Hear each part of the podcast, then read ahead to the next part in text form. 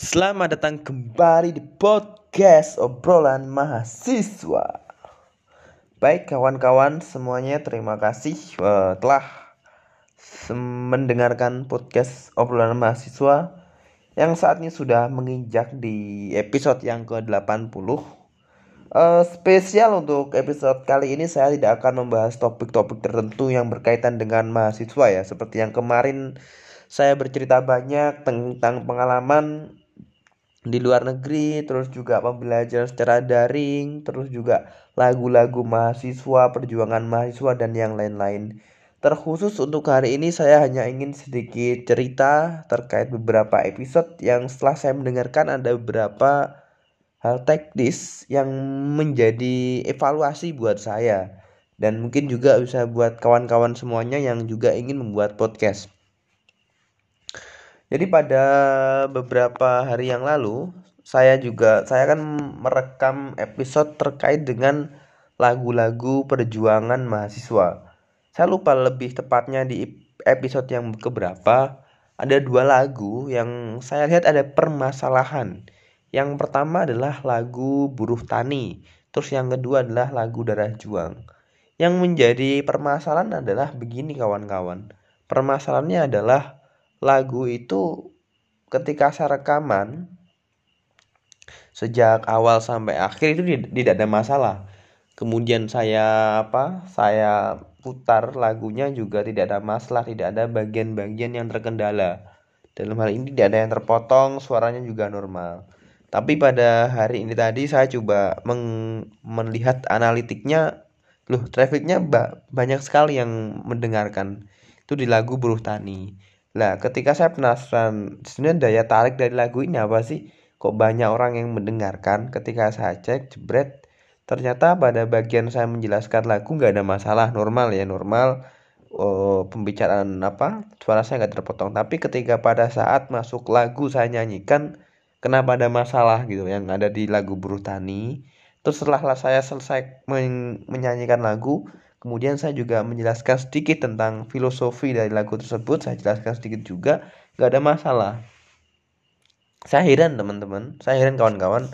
E, sebenarnya ada apa? Apakah memang menyanyikan sebuah lagu yang apa? Yang dalam di Spotify atau di platform podcast yang sudah lain ada itu memang tidak diperkenankan atau memang ini melanggar hak cipta saya juga kurang tahu kawan-kawan. Terus juga di kasus yang sama juga terjadi pada saat saya melihat mendengarkan lagu yang Darah Juang. Saya juga mendengarkan serupa. Ya persis. Saya sedikit filosofi, terus saya nyanyikan, terus saya jelaskan sedikit lagi. Ternyata yang bagian lagu gak, gak ada suaranya. Nah ini mungkin bagi kawan-kawan yang tahu silahkan nanti berkomentar. Siapa tahu ini bisa menjadi masalah bersama.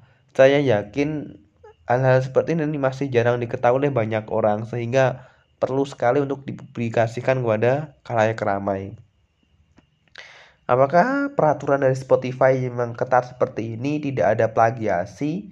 Ya mungkin ini sebagai yang kawan saya jadi ternyata ini mungkin sebagai apa ya was-was saya. Saya kemarin sempat menceritakan terkait plagiarisme yang dilakukan oleh seorang rektor Universitas Sumatera Utara tiba-tiba sekarang saya yang jadi apa menjadi pelakunya. Mungkin saya melakukan plagiarisme yang dilarang dalam Spotify. Saya menyanyikan lagunya. Dan memang ya saya pikir ini lagu kebangsaan mahasiswa bagi saya begitu kawan-kawan. Lagu da buruh tani darah juang. Siapa sih mahasiswa yang tidak mengetahui lagu ini? Lagu yang mencerminkan pengorbanan mencerminkan pembelaan dari mahasiswa kepada rakyat kecil. Siapa yang tidak tidak punya giroh untuk bangkit pada saat mendengarkan lagu ini. Maka dari itu saya ingin menyanyikannya di di special episode untuk podcast obrolan mahasiswa ini. Tapi berhubung seperti itu mungkin ke depannya ini bisa menjadi pembelajaran bagi saya dan juga kawan-kawan semuanya untuk tidak menyanyikan lagu yang sudah menjadi hak milik orang lain. Jadi seperti itu. Jadi ini bisa menjadi pembelajaran bersama kawan-kawan. Jadi mohon maaf mungkin apabila kawan-kawan nanti apa memutar lagu di memutar eh, podcast yang di episode uh, lagu Buruh Tani terus juga lagu Darah Juang apabila nanti di tengah-tengah ada kendala saya selaku penyiar di podcast obrolan mahasiswa memohon maaf yang sebesar-besarnya kawan-kawan ya.